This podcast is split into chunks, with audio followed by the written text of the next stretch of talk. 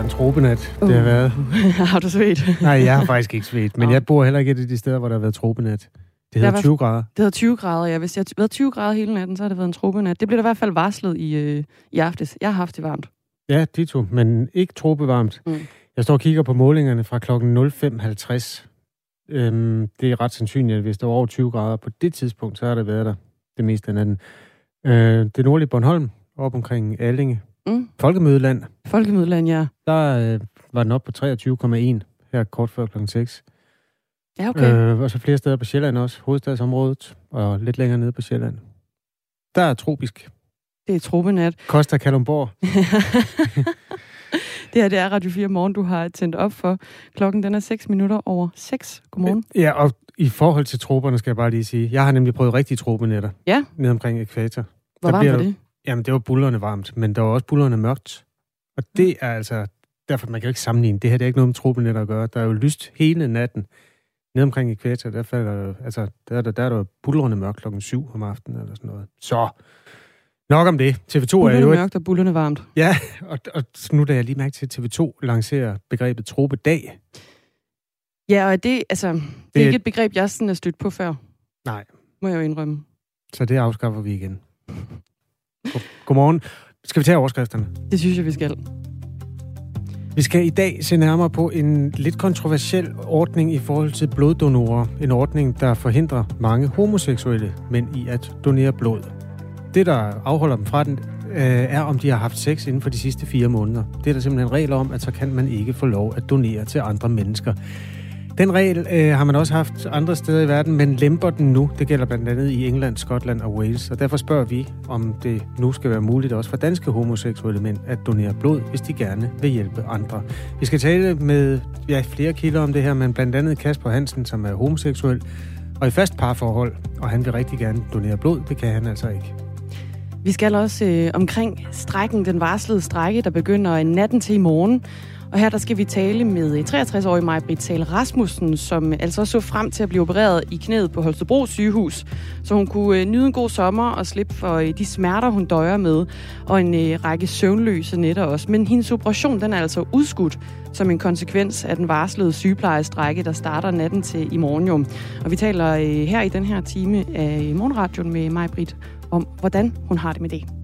Og det er jo en af de dage, igen, hvor vi gerne tager imod sms'er fra dig, der har noget på spil i det land, vi lever i. Det kunne meget vel være i forhold til den her varslede sygeplejestrække. Øhm, der jo også rammer nogle af de sådan, kommunale tilbud inden for pasning og på plejehjem og alt sådan noget. Der er mange mennesker, der kan komme til at lide afsavn som konsekvens af den her arbejdsmarkedskonflikt, hvor en tiende del af sygeplejerskerne forsvinder ud af arbejdsmarkedet, indtil det bliver løst. Øhm, hvis du har på en eller anden måde kommer til at mærke den negativt, den sygeplejestrække, så skriv gerne en sms til 1424. Start den med R4 og et mellemrum. Vi skal også omkring øh, Christian Eriksen, fordi i går der meddelte landsholdets læge jo, at fodboldspilleren skal have indopereret en hjertestarter. Og det sker altså efter, at han fik et hjertestop under EM-kampen mod Finland lørdag aften. Men hvad betyder sådan et indgreb her? Det taler vi med en overlæge om i øh, hjertemedicinske afdeling på Odense Universitetshospital. Han hedder Jens Brock Johansen, og med ikke så forfærdelig længe. Den her morgen, der sætter vi også fokus på øh, coronavacciner til børn. Diskussionen om, hvorvidt øh, man, når man er mellem 12 og 15, skal tage øh, sådan en, den øh, vækker bekymring hos øh, organisationen Børns Vilkår, som frygter mange henvendelser fra frustrerede unge, som ikke kan få deres vilje. Sagen er jo den, at det både er de unge og deres forældre, der så skal tage stilling til det spørgsmål. Og som det så ofte er med den type øh, børn i den aldersgruppe, så er det ikke altid, man ser ens på tingene. Det her det er Radio 4 Morgen, du har tændt op for. I studiet er Dagmar Eben Østergaard. Og Kasper Harbo. Godmorgen. Vi starter et øh, noget andet sted, fordi for første gang i nyere tid, der stopper McDonald's øh, løssalget af deres Happy Meal legetøj. Den her lille dims, man får med, når man bestiller en øh, lille rød kasse med et gult dem på. Øh, og det er jo sådan, at man så kan vælge at betale lidt mindre, og så undgå øh, cheeseburgeren eller hamburgeren og nogle fritter, og så kun få legetøjet. Hmm. Men det er altså slut nu med bare at købe legetøjet. Fordi hvis man køber et Happy Meal på McDonald's lige nu, så kan man nemlig få en pakke Pokémon-kort. Og det er nogle øh, ganske specielle Pokémon-kort i anledningen af, at Pokémon-universet fylder 25 år. Og de har altså været meget populære, de her Pokémon-kort. Pia Topperup, godmorgen. Godmorgen. Godmorgen. Kommunikationschef Godmorgen. i uh, McDonald's Danmark. Oprindeligt så skulle man altså have, have haft en mulighed, at man kunne købe de her Pokémon-kort hos jer i løssalg, men det er altså ikke en mulighed alligevel. Hvordan kan det være? Jamen, øh, allerede i kampagnens start, der har vi set en ret overvældende interesse. Så vi har simpelthen valgt at lukke, øh, lukke ned for løssalg, og det har vi, fordi vi vil gerne prioritere de små gæster først, øh, som køber Happy Meal. Og hvorfor er det lige præcis de her kort, de er så, øh, så populære, og folk gerne vil have fingrene i dem? Jamen, det er jo Pokémon, øh, og så er det jo samleobjekter. Øh, vi ser generelt en øh, ret stor interesse, når det er samleobjekter. Vi solgte i 2018 nogle øh, Panini-kort sammen med Happy Meal.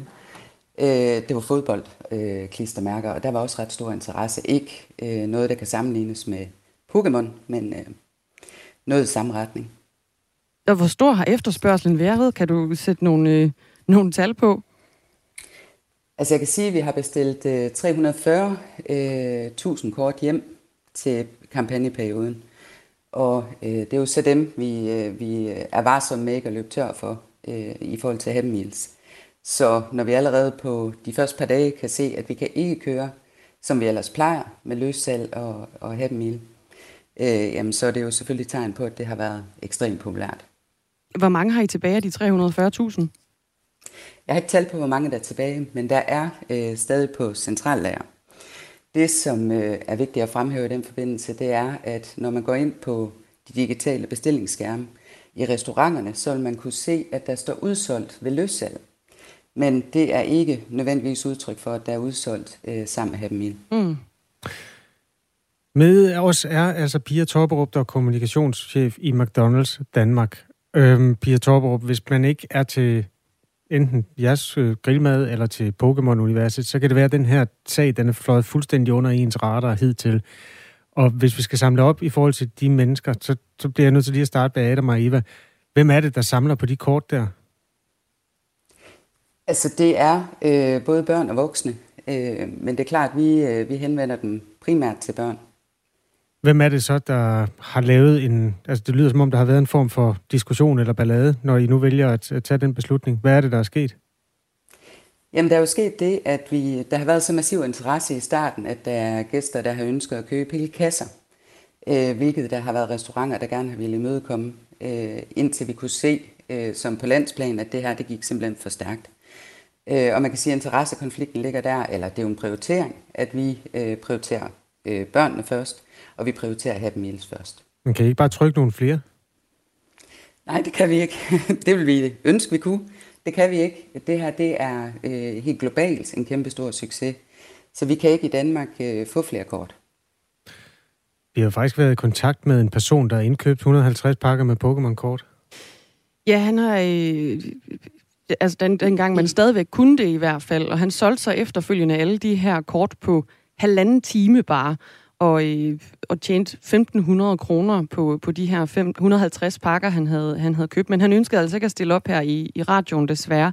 Har jeg oplevet mange typer som ham, der simpelthen køber øh, jamen, ind i stor stil for at lave videre salg?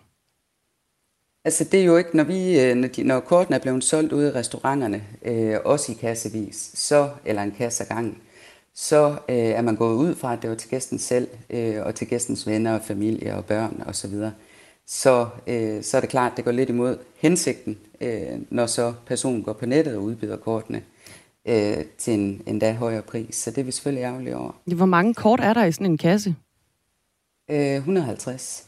Okay, så han har købt 150 pakker med 150 Pokémon-kort i, lyder det til. Jeg er faktisk i tvivl om det er 150 kort eller 150 pakker, men det må være 150 pakker, ja. Ja. Altså, kunne man ikke næsten regne ud, at det ikke kun var til privat forbrug, når han kommer ind og beder om så mange Pokémon-kort? Jeg tænker ikke, at vores medarbejdere har stået og stillet spørgsmålstegn. Vi øh, imødekommer generelt, så vidt vi kan, øh, den efterspørgsel, der er. Men man har så bare meget, meget tidligt opdaget, at, øh, at den efterspørgsel har været for stor. Men burde man ikke have altså, sat nogle, nogle, nogle grænser for det allerede altså på forkant? Set i øh, bagklogskabens lys, jo, det, det skulle vi jo have gjort. Øh, og det ved vi også nu til en anden gang, at hvis vi skal køre med noget meget populært legetøj, som vi har øh, et, et begrænset lager af, jamen så, så skal vi allerede fra starten af øh, lukke ned for løssalget. Og så kan man jo åbne det op til sidst øh, i kampagnen, hvis der er lager til det. Men jeg vil sige, her har vi har forventet, at det vil være populært. Vi havde ikke forudset den hype, der har været. Det her, det vil blive husket som den Danmarks historiske lomme, hvor øh, vi meget ofte gik amok over forskellige kort. Har du glemt de der kort med Tinkas nissehue på, øh, Pia Torberup? Eller de der dyrekort i Føtex? Det går galt hver gang. Nej, ja, det gør det. Det gør det. Øh, det er klart, når man har noget, der er meget populært, som man kun har en, øh, en begrænset mængde af, øh, så, så er man nødt til at prioritere, hvem, øh, hvem der skal modtage. Ved du hvad, øhm, tak fordi du var med og beskrev den her nyeste skud på stammen af kort diskussioner i Danmark. Ha' en god dag.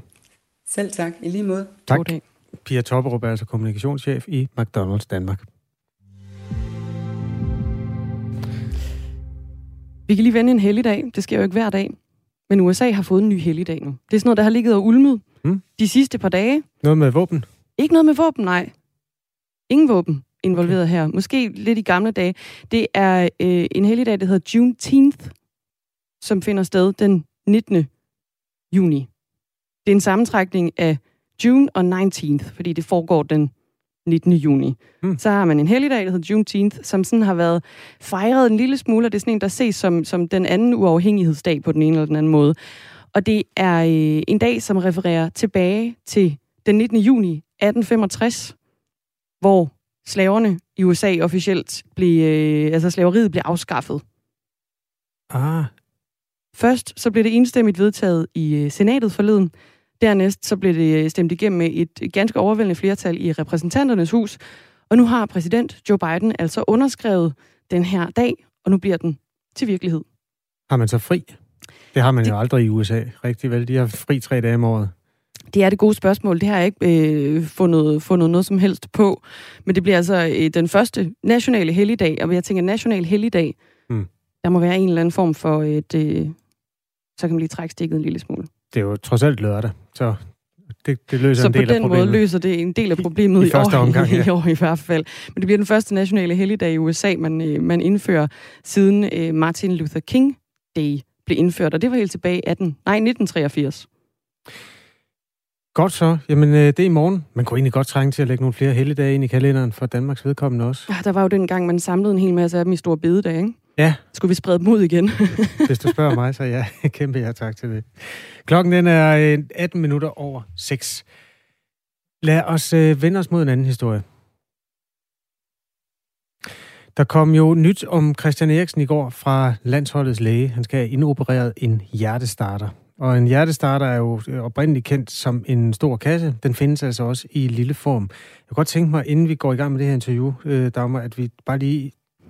Du får lov at låne min telefon ja. og så lige se den der film, hvor en hollandsk mand, der har indopereret en øh, såkaldt hjertestarter, han falder om under en kamp, og han ligger simpelthen fuldstændig bumstille. Nu ligger han her bumstille. Folk samles om ham, kan jeg se. Bringer mindelser om lørdagens kamp. Ja, det gør det godt nok. Så spiller Oi. han. Kan du se det? Ja. Nu sidder han op. Nu sidder han op. Altså, den ligger på YouTube, den her. Det er øh, en helt øh, Og det gik hurtigt. Ja, det går lynende stærkt. Totalt effektivt. Og ja, og manden er altså op igen. Anthony Van Loo, står der. Ja, og det er ikke en mand, der sådan har en karriere på størrelse med Christian Eriksen, men det er jo samme perspektiv, at det her det kan redde et liv med... Tager telefonen igen der. Med, ja, med sekunders øh, varsel. Jens Brock Johansen er overlæge og Ph.D på hjertemedicinsk afdeling på Odense Universitetshospital og vil hjælpe os med at forstå den her videnskab. Godmorgen. Godmorgen. Har du set uh, filmen, der ligger på YouTube med en hollandsk fodboldspiller, der falder om? Den har vi lige siddet og hygget os over. Ja, den, øh, den har jeg set, og jeg får også mange historier om det, der sker for mine patienter ude i, i virkeligheden. Det svarer meget godt til øh, det at have en ICD og få øh, et stød fra en ICD. Hvad er det helt præcist, der gør, at den maskine ved, at den skal genstarte personens hjerte? Det er sådan, at, øh, at der sidder en, øh, en enhed på størrelse med en pacemaker op omkring venstre skulder, øh, og den øh, er koblet til hjertet med en elektrode, der går ind igennem hjertets øh, tarsystem, så det ligger ind i det øh, høje hjertekammer, og det ligger og konstant overvåger hjerterytmen hele tiden. Og hvis der så er faretruende hurtig hjerterytme, hvis den hjerterytme den er ren, så kan den lave sådan en overhalingsstimulation, og hvis rytmen er meget, meget hurtig og meget kaotisk, så kan den give et øh, kraftigt stød, der nulstiller hjerterytmen. Og det ligger den og overvåger slag for slag, øh, sekund for sekund.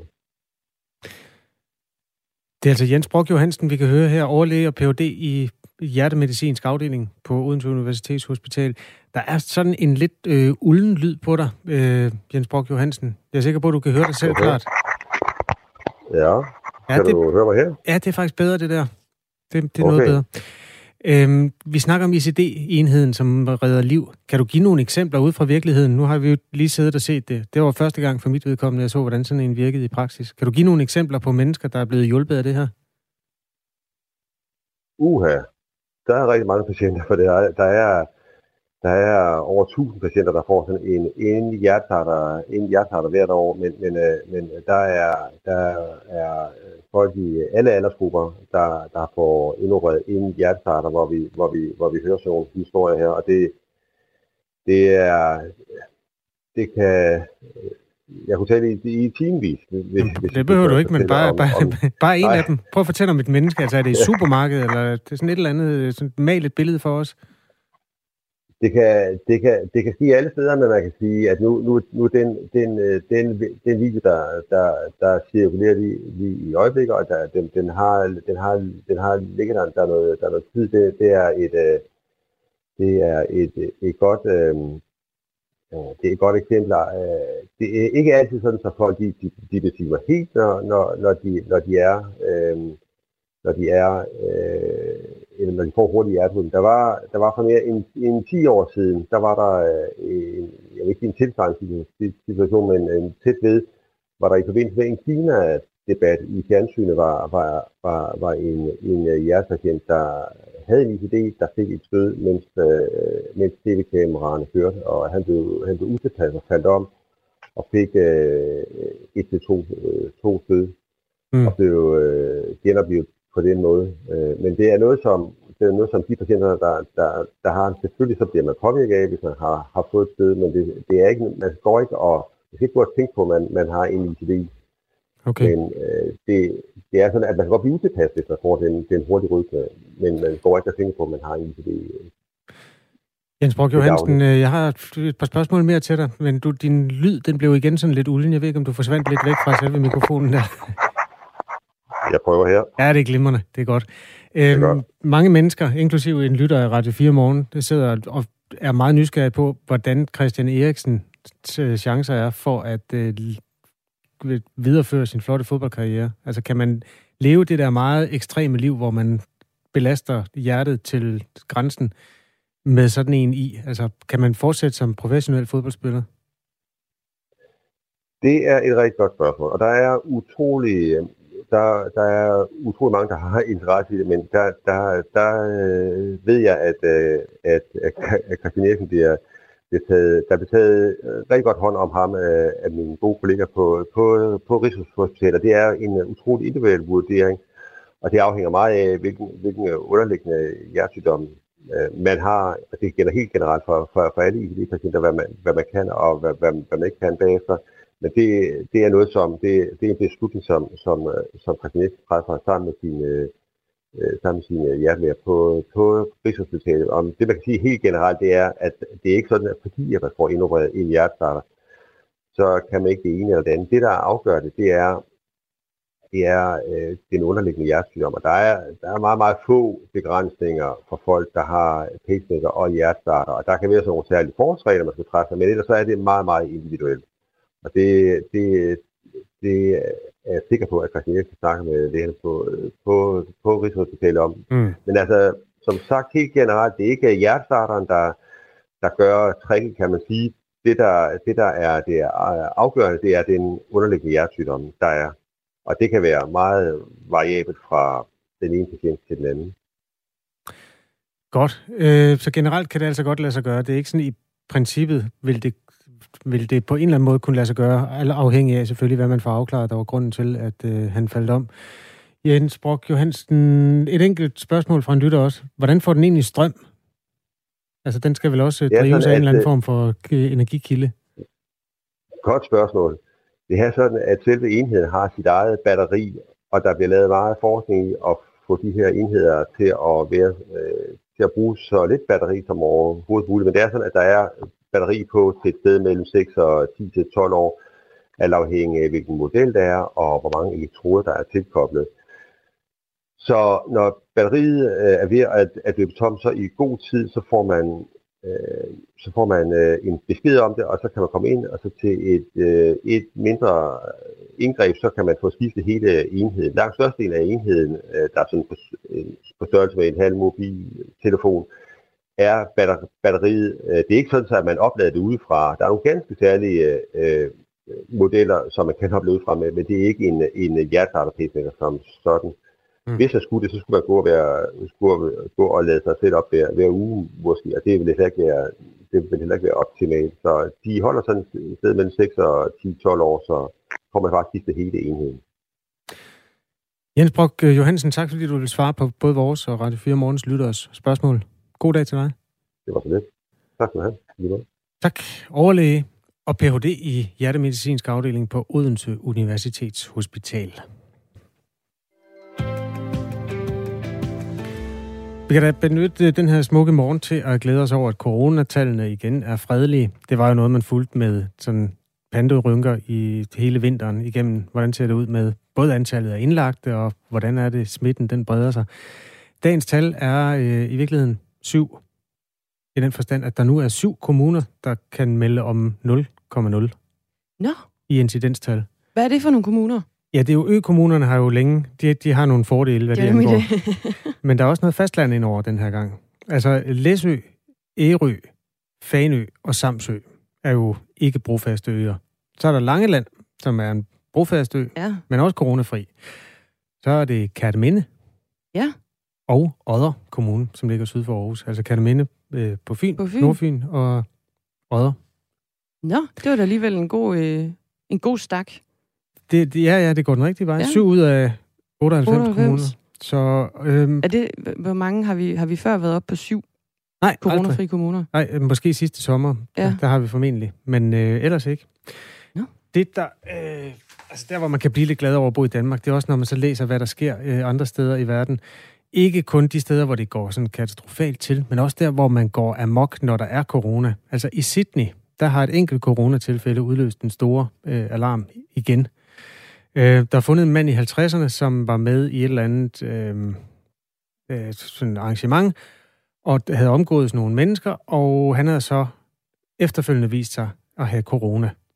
Og derfor indfører man simpelthen at masker obligatorisk i offentlig, altså kollektiv trafik i uh, Sydney-regionen. For et tilfælde? I fem dage. Okay, det er altså effektiv nedlukning eller restriktionsbrug. Øh, det er, også, det er bare ved at minde hinanden om, at øh, selvom man synes, at vi er gået sådan til grænsen af, hvad folk gider her i Danmark, mm. så findes der andre steder. Men det er selvfølgelig også en ikke brofast ø, kan man sige, Australien. Ja, det, ja, det kan man kalde det. Jeg var ude i går og, og øh, køre i offentlig transport for første gang siden mundbindsreglerne, der de blev lempet herhjemme. Ja. Det var faktisk en ret speciel oplevelse. Altså, det føltes som om, jeg havde glemt noget. At du, man manglede noget, ikke? Du skulle i virkeligheden vist nok have det på i din tilstand af gående, mens tager du det på, hen. når man går derind, og så må man tage det af, når man sidder inde, ikke? Når man har fundet en plads og sætter sig ned, så må man tage det af igen. Og det føles helt, det føles helt fremmed ja. på en eller anden måde. Ja, jeg forstår godt, hvad du mener. Det er stadig be, altså beslægtet med en form for luksusfølelse at gå ind i et supermarked uden mundbind, synes jeg. Helt ekstremt. Det er så rart.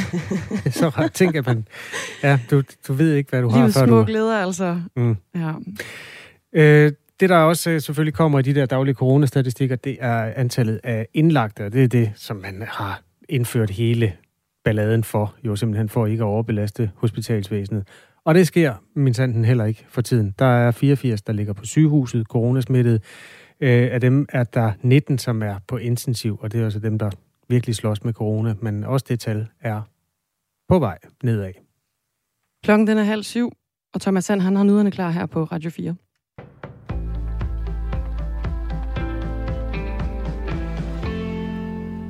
Sociale medier som YouTube, Instagram og Facebook er en del af hverdagen for mange børn, men når influencer på medierne bliver betalt for at anbefale produkter, er det langt fra altid, at børn kan gennemskue det. Det skriver Erhvervsministeriet i en pressemeddelelse på baggrund af en ny undersøgelse fra Konkurrence- og Forbrugerstyrelsen. 38 procent, eller næsten 4 ud af 10 børn i alderen 6-12 år, kan således ikke afkode visse typer af reklameindhold fra influencer som reklame. Det viser et adfærdsforsøg med 1500 børn. Jeg synes, det er problematisk, at så mange af vores børn har svært ved at spotte, hvornår det indhold, de ser på sociale medier, er blevet betalt af en virksomhed, siger erhvervsminister Simon Kollerup i en pressemeddelelse og peger på, at der er brug for løsninger. Sociale medier skal i højere grad reguleres politisk, det siger statsminister Mette Frederiksen, radikale Sofie Karsten Nielsen, SF's Pia Olsen Dyr og enhedslistens Maj Villassen i et fælles interview med politikken. Det er ikke et konkret lovforslag på vej fra regeringen, men partilederne mener, at regulering af tech-giganterne er nødvendigt. Der er ikke et konkret lovforslag på vej. De nævner tre eksempler på mulige indgreb. Forretningsmodeller skal mere frem i lyset, samfundet skal have et indblik i algoritmer, og tech-giganterne skal betale mere i skat. Ingen af de fire partiledere vil dog lægge sig fast på, hvordan en model kunne se ud. Alle samfundsområder har brug for spilleregler. Det har vi i trafikken, det har vi, når man udgiver en avis. Den samme logik skal jo gælde på de sociale medier. Jeg tror, vi kommer til at lovgive, siger statsminister Mette Frederiksen til politikken. Til Jyllandsposten siger erhvervsminister Simon Kollerup, at han ikke er bange for at bruge hele værktøjskassen. Blot to dage inden Juneteenth finder sted, har USA's præsident Joe Biden underskrevet en lov om at gøre dagen til helligdag. Dagen skal markere befrielsen af millioner af sorte slaver i USA. Juneteenth er en sammentrækning af ordene juni og den 19. på engelsk, June og 19th. Det refererer til den 19. juni 1865, hvor slavegjorte sorte i Galveston i delstaten Texas formelt blev meddelt, at de var frie og at slaveriet var afskaffet. Loven blev først vedtaget enstemmigt i senatet og dernæst med overvældende flertal i repræsentanternes hus, og med præsidentens underskrift bliver den til virkelighed. Juneteenth marks both the long, hard night of slavery and subjugation – and a promise of a brighter morning to come. Juneteenth markerer både den mørke og lange nat med slaveriets undertrykkelse og løftet om en lysere morgens komme, siger Joe Biden. Han kalder dagen en påmindelse om de forfærdelige omkostninger, som slaveriet havde og fortsatte med at have for landet. Great nations don't ignore their most painful moments. Great nations don't ignore their most painful moments. They don't ignore those moments in the past. They embrace them. Store nationer ignorerer ikke deres mest smertefulde øjeblikke, de omfavner dem, siger Biden. Israel har rettet nye luftangreb mod Gaza omkring midnat natten til i dag. Det oplyser Israels her. Også AFP-journalister i den palæstinensiske enklave melder, at de har hørt eksplosioner. Over den seneste dag er der blevet sendt brandballoner fra Gazastriben til israelsk territorium, skriver Israels militær i en pressemeddelelse.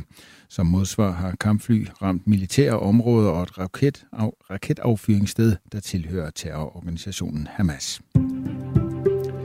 I dag for den østlige del af landet igen varmt og solrigt vejr. I resten af landet bliver det i perioder mere skyde med stedvis regn eller byer, men der kommer også perioder med nogen eller en del sol. Temperaturer op mellem 25 og 32 grader i den nordvestlige del af landet og ved kyster med pålandsvind kun mellem 15 og 22 grader.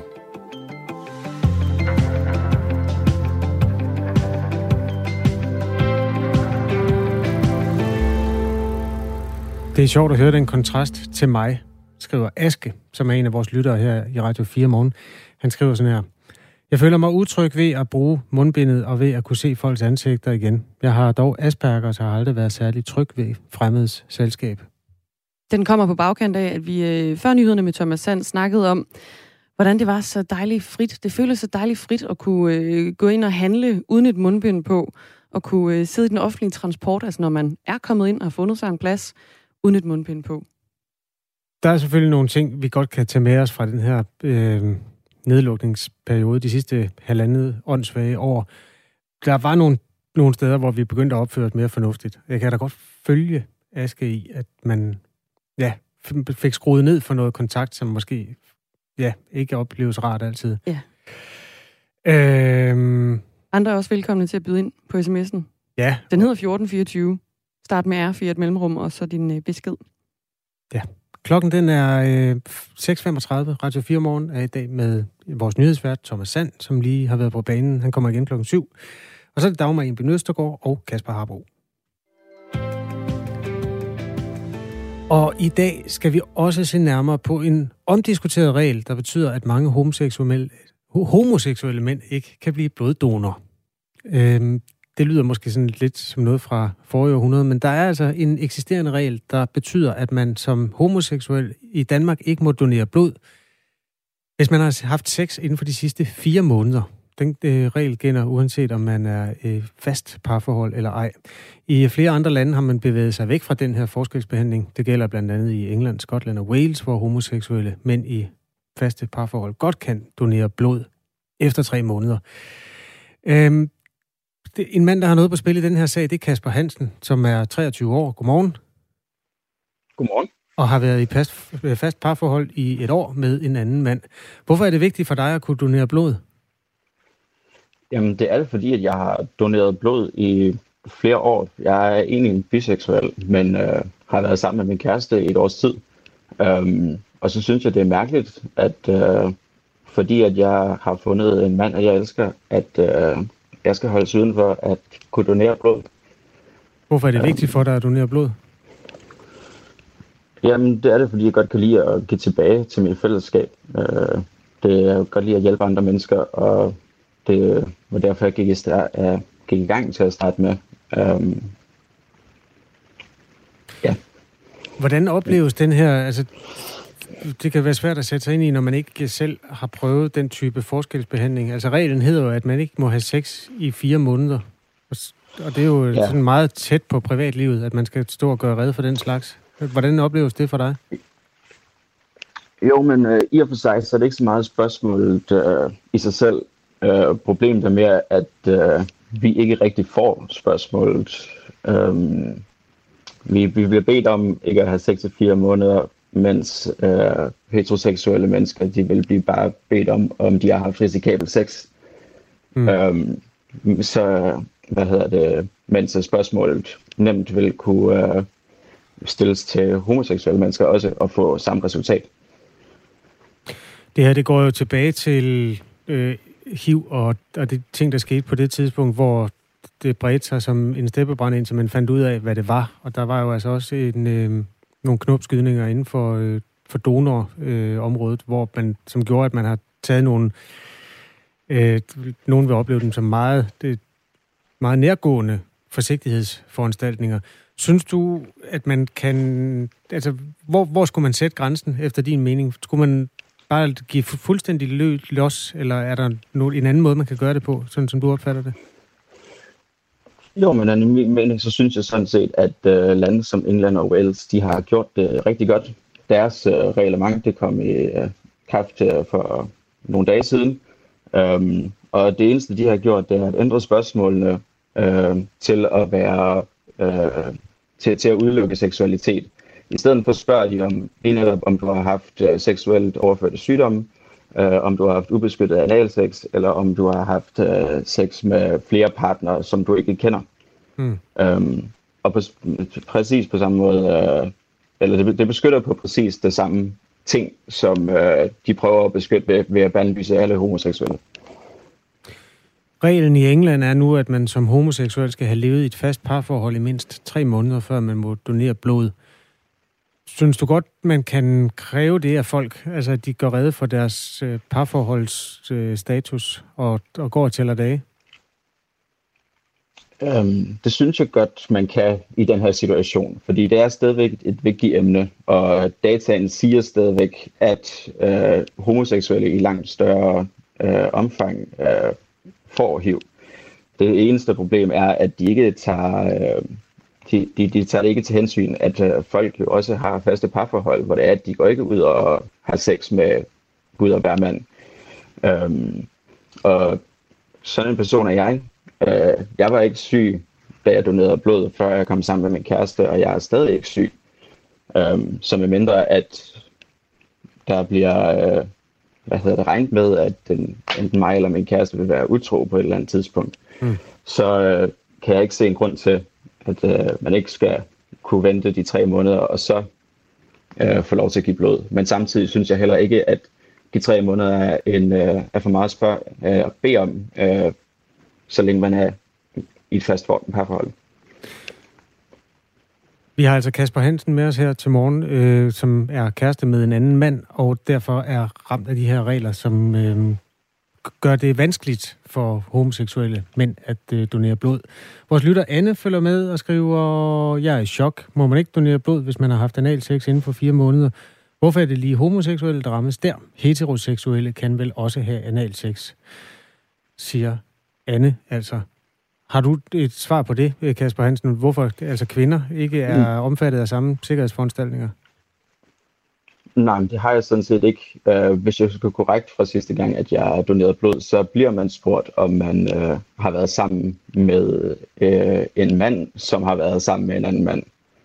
Uh, men det er vist så langt, at det går. Uh, der, der bliver generelt ikke taget super meget hensyn til uh, uh, biseksuelle, uh, og derfor så bliver de heller ikke taget lige så meget med ind i, i diskussioner som det her men øh, de eksisterer, og det er jo, mm. som øh, beskeden siger, øh, også en mulighed for at øh, sprede det imellem folk. Det her, øh, det er så lige netop, at, at hvis det er, at du som en heteroseksuel person går derind, så får du bare spørgsmål om, at du har været indblandet i de her ting, øh, i stedet for at blive direkte bandlyst. Men er du ikke bange for, at en person, der er syg med HIV, kunne ende med at donere sit blod? Altså, det skete jo i 80'erne i den såkaldte blødersag.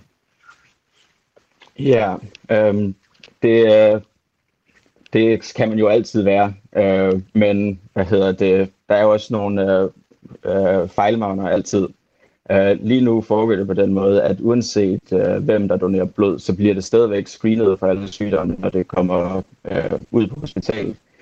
Øh, hvad hedder det?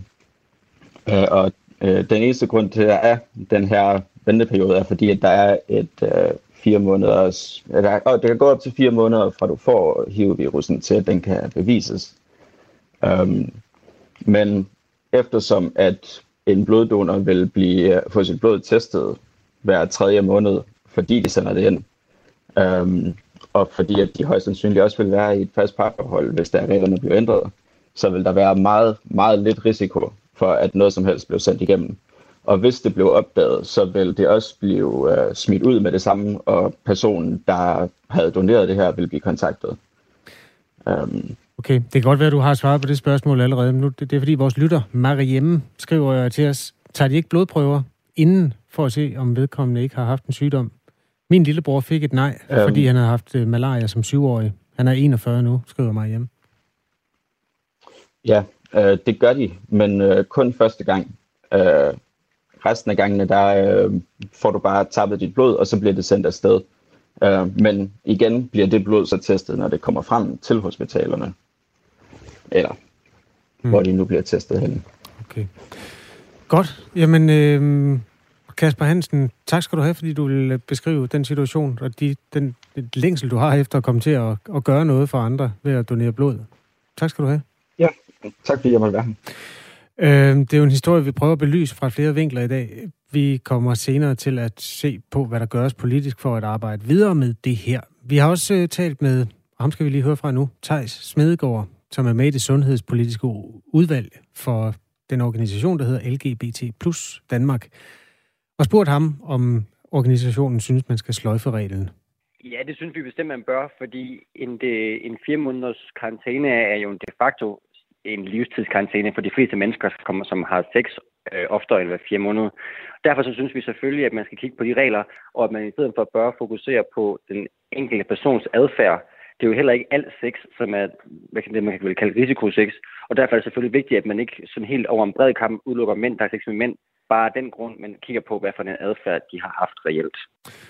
I næste time skal vi også belyse denne her øh, sammen med en mand, der ellers er mest kendt for at omtale andre infektionssygdomme, nemlig Allan Randrup Thomsen. en af de mest brugte coronakilder herhjemme, men han har faktisk forsket meget i HIV, og kan også belyse, hvorfor det er risikabelt, eller om det stadig er meget risikabelt, når seksuelt aktive homoseksuelle donerer blod. Så er der altså senere på igen i kanonen lagt i ja, lagt i kanonen, eller lagt i kakloven til en politisk debat. Det er Alternativets øh, sundhedsordfører og ordfører for alt muligt andet, Torsten Geil, som mener, at den der fire måneders regel, den skal skrottes hurtigst muligt. Husk, at du kan skrive ind, hvis du har lyst. Ja, 1424. Øh, på, på højkant. Ja, 1424. Start med R4 et mellemrum, og så din besked.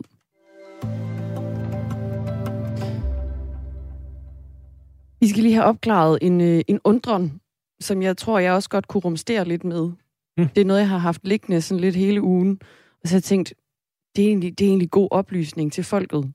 Det er en læser, der har henvendt sig til Jyske Vestkysten med en øh, undren, og den lyder, hvorfor holder der biler parkeret på nysåede marker ved Vennemose? Hvor ligger Vennemose? Det ligger øh, lige nordøst for Tønder. Okay, ja. og der holder mange, eller hvor mange? Der er en lytter, der har været ude på nogle cykelture, og ligesom spottet, at sådan midt ude på nogle nysåede marker, der holder der lige sådan en bil. Kun en? Ja, bare lige en bil. En bil på den mark, en bil på den mark, og så lige en bil på den mark. Jeg tror, hun har set tre. Okay. Tre biler rundt om på nogle marker. det er, jo det er en, en tendens, vil man det er en, sige. Ja, tre, tre til en tendens, ikke? Er ja. det ikke det? Jo.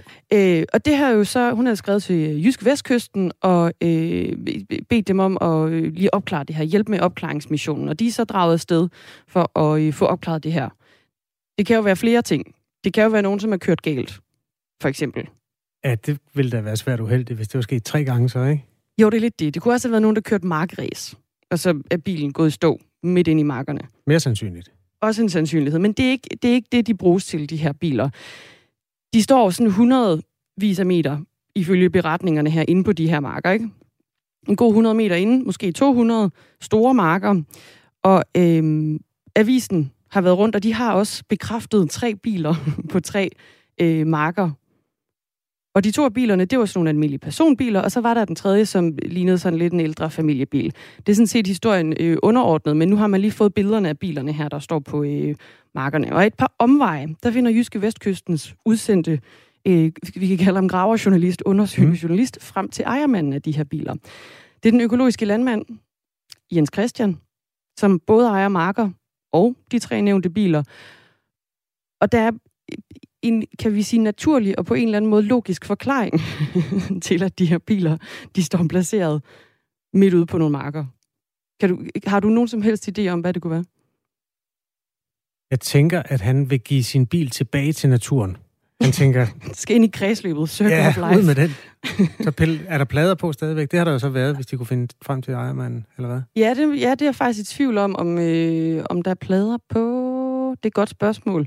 De har fundet frem til ejermanden ved at finde et hus, der lå i nærheden af en af markerne, og så spurgt, hvem ejer den bil, og så er de kommet frem til, øh, til Jens øh, Christiansen her. Jeg kan ikke regne det ud, du er nødt til at forklare det. Det er fugleskramsler. Åh! Oh. Ja. ja. Fordi fugle? Fugle, øh, altså ifølge Jens øh, Christiansen, Christiansen her, så øh, er det her ret effektivt, et ret effektivt middel til at holde råger væk. Nå. Og han har åbenbart nogle store problemer med de her roer, som æder øh, majsene, når han har sået dem. Også faktisk, når de kommer op og bliver sådan, du ved, en større plante på sådan en, en god 25 cm eller sådan noget, så hiver de alle planterne op på de der marker. Okay. Og så har han øh, fundet ud af, at øh, hvis man lige fyrer en bil ud på marken, den skal være, den skal være godt renskuret, så den skinner en lille smule. Ikke? Ja. Lidt ligesom du ved, når man har, ser CD'er på folks altaner eller sådan noget, der sådan hænger og dingler som sådan en lille uro. Mm, det er jo også ja. for at, at, at, at skræmme fugle væk. Det sender glimt. Ja, lige præcis. Jeg gætter på, at det er sådan samme koncept her. Ikke? Så sender det nogle glimt, og så tror fuglene, at øh, der sker et eller andet farligt, og så holder de sig altså væk. Det er da en nyhed, man kan bruge til noget. Ja, og jeg tænkte også, når, altså, når danskerne skal ud i det ganske danske sommerland, så behøver man ikke at undre sig over det her mere.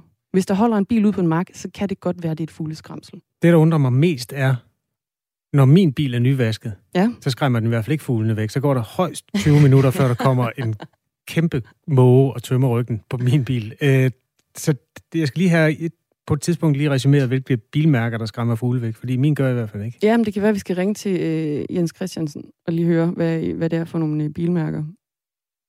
Ja. Godt. Hermed, tak til Jyske Vestkysten. ja, tak for øh, gravearbejdet.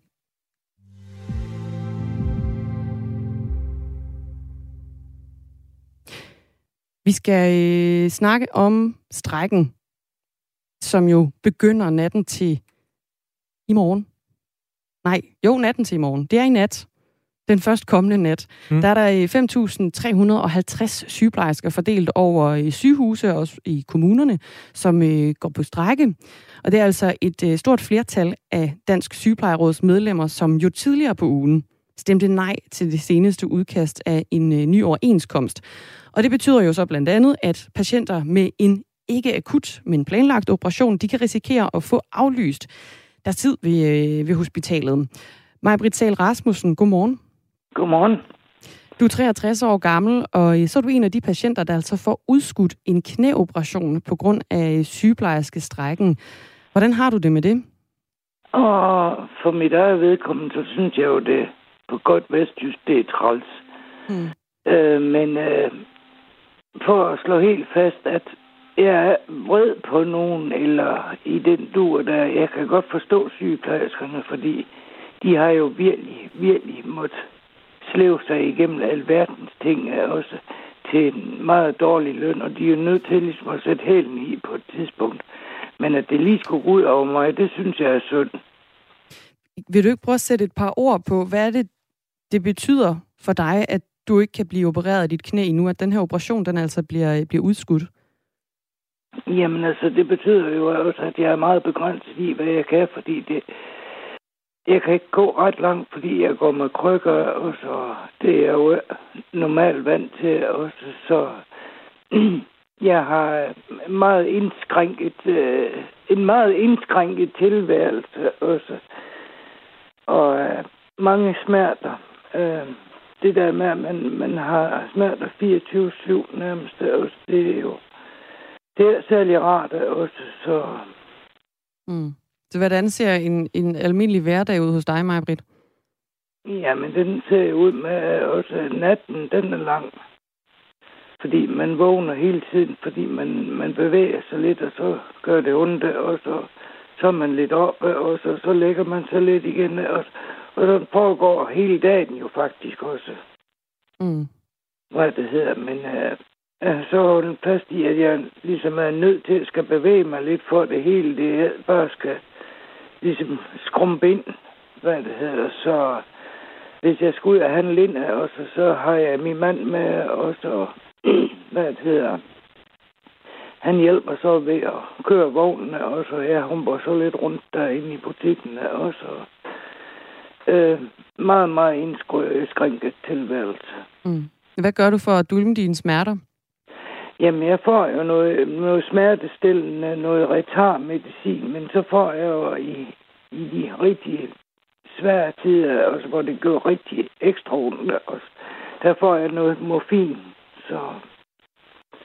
Og mm. det, det bliver man jo ligefrem kvik af. Nej. Hvad, øh, Maj-Britt Sahl Rasmussen, du er en af dem, som, øh, som bliver ramt af den her sygeplejerske strække og din øh, knæoperation den bliver udskudt. Hvad er det øh, for en operation, du skal, du skal have foretaget? Jeg skal have et halvt knæ uh, indopereret på grund af sledgigt. Og et, et halvt knæ kalder okay. de det. Ja. Også, man kan få et helt knæ, og man kan få et halvt knæ. Et halvt knæ, det skulle være ikke så stor en operation som et helt knæ, men altså, det siger jo sådan set også sig selv. Mm. Men øh, bare det også kan gå en lille tur og, så, og det slige ting, det, det vil simpelthen bare være lækkert også. Så. Og få noget af måske livsglæden tilbage, eller hvordan? Ja, ja, mm. lige nok der også. Så. Man, man bliver lidt trist af bare at gå og kigge ind i, i husets fire vægge, og så jo, jo, selvfølgelig, jeg kan gå lidt udenfor også, men os, der bor meget langt ude på landet, vi har jo som regel grus og sådan noget, og det er bare svært at gå i med krykker, synes mm. jeg. Hvor bor du egentlig henne i landet, Majbrit? Jeg bor i Ulfborg, eller ved Ulfborg, Ulfborg ja. ude i Ulfborg Statskovdistrikt. Ja. Hvis nu der sidder en lytter derude, som øh, ligesom dig, Maja Britsal Rasmussen, øh, også har fået udskudt en operation, så vil vi sådan set gerne høre fra dig og høre, øh, hvordan du bliver påvirket af den her forestående strække hos sygeplejerskerne. Det kan man gøre på 1424. Man starter med R4 et mellemrum, og så øh, beskeden. det kan jo også være, at man bliver ramt af, af strækken her, fordi der er jo også sygeplejersker og sundhedsplejersker i kommunerne, som strækker. Det kan også være det her, du bliver ramt af sygeplejerskestrækken. Du må i hvert fald gerne skrive ind på 1424 øh, R4 starter du med, og så skriver du din besked. Hvordan bliver du øh, påvirket af, af den her forestående strække hos, øh, hos sygeplejerskerne? Og det er jo 65,6 procent af de stemmeberettigede medlemmer af Dansk Sygeplejeråd, der altså har stemt nej til et forslag om en ny overenskomst, og det er særligt spørgsmålet om løn, der er stridspunktet i konflikten her, der jo sender lidt over 5.000 sygeplejersker bredt fordelt over både landets kommuner og regioner ud i en strække natten til øh, i morgen. Og som, som konsekvens, der kan borgerne, der øh, jo for eksempel skal have et nyt knæ, eller et halvt knæ, som, øh, som mig, Britt, vi har med her, øh, komme til at vente længere på en, øh, en operation. Vores lytter Tommy har fulgt debatten og har også holdninger til, om sygeplejerskerne skal have mere i løn. Han skriver, de har vist ikke noget at klage over med over 40.000. Nej, omkring 40.000 i månedsløn før skat. Er altså påstanden fra Tommy. Og hvis vi lige skal rydde en lille smule op i den, altså tak for sms'en for det første, men for det andet, så er det øh, det tal, der har været ventileret i nyhedsmedierne de sidste par dage, det er tallet 42.000, som er inklusiv øh, pensionsbidrag fra arbejdsgiveren og også inklusiv feriepenge. Og mens man jo ofte hvad skal man sige, sammenligner løn på tværs af sektorer ved at medregne pensionen, så er feriepengene måske øh, lidt en manipulation i forhold til, øh, hvad det reelle lønniveau er. Man kan i hvert fald med fordel trække en 8. del af det beløb fra, hvis man vil have det reelle billede af, hvad der er øh, netto månedslønnen. Men tak for sms'en, som er kommet til 1424. Og så finder vi tilbage, Majbrit, øh, tilbage til dig, Majbrit Sal Rasmussen. Det er jo ikke en, en, øh, en livstruende sygdom, du har. Det er et, et, et, en knæoperation, du står, øh, du står over for. Du var også lidt inde på det i starten af vores snak her. Kan du ikke godt vente en lille smule længere med at blive opereret, så sygeplejerskerne de jo kan tage kampen her for en, for en bedre løn og den her principsag? Jo, altså selvfølgelig kan jeg jo det, fordi det er jo ikke livstruende, det her for heller. Men uh, når man selv står i, så har man jo lidt ondt af sig selv. Øh, altså, fordi at det er en uh, lidt uh, kedelig situation at stå i, men jeg forstår fuldt ud, at sygeplejerskerne de er nødt til at, at sætte hælen i, også fordi ellers så løber de om hjørner med den også, så fordi at jeg synes også, at de er underbetalt, for de har virkelig, virkelig travlt, hvad det hedder øh, for at de vil være, være stresset. Men nogle gange, så kan man altså godt møde en sygeplejerske, som virker meget, meget stresset, og så har virkelig meget om ørerne. Vores lytter Jens er også interesseret og skriver, Godmorgen, hvem prøver I at give dårlig samvittighed med jeres indslag om udsæt til knæoperation? Er det sygeplejerskerne eller deres arbejdsgiver? Øh, kan du svare på det, Dagmar? Hvem skal, hvem, vi, vi prøver vel bare at beskrive. Vi prøver bare at, at, at finde ud af, hvad det er, det har konsekvenser, det her jo. Er der nogen, der skal have dårlig samvittighed, hvis vi spørger dig, Maja Britt Rasmussen? Nej, det synes jeg jo sådan set i virkeligheden ikke, der er også, fordi at det her også, det er jo livstruende også. Jeg er da sikker på, hvis jeg kommer ind med et brækket ben, så, så kommer jeg jo ind også. Det, det er vist ingen tvivl om. Men uh, ja, nu sidder jeg selv i situationen også. Mm. Det er bare træls kedelig. Jeg har næsten det ord, der dækker det også. Så. Mm. Men uh, det er for at give sygeplejerskerne dårlig samvittighed. Eller deres uh, arbejdsgiver? Må, ja, det må det jo være også i den sidste ende også. Okay. God bedring i hvert fald. Jo, tak. Maj Bertal Rasmussen, altså fra Ulfborg i Vestjylland. Og det er egentlig et, et øh, indslag, der skal sådan perspektivere, hvad det for mennesker i kød og blod kommer til at betyde, at en tiende del af sygeplejerskerne nu er udtaget til strække fra forbundets side. Det er altså en strække, der starter i, ja, når døgnet skifter til lørdag. Ja, lige præcis. Øh, og øh, senere på morgen, der snakker vi med Dennis Christensen, der er tidligere formand for fagforbundet FOA. Øh, også under strækkerne i 2008, hvor overenskomstforhandlingerne mellem blandt andet FOA og KL og danske regioner, de brød sammen på grund, også af, på grund af uenighed om løn, ligesom det altså også er tilfældet her med, med sygeplejerskerne. Og der var 75.000 offentligt ansatte i, i gang med at strække dengang. Og vi snakker altså med ham om, øh, hvor den her balance går mellem at have øh, befolkningssympati og så også tage dem lidt som, som gisler jo ved en strække. Det gør vi i næste time. Ja, og det vi kalder næste time, det er den time, der begynder, når klokken slår syv. Og klokken den slår syv om øh, 8 sekunder, så vi kan allerede nu begynde at glæde os til, at Thomas Sand leverer nyheder fra indland og udland. Du lytter til Radio 4 morgen.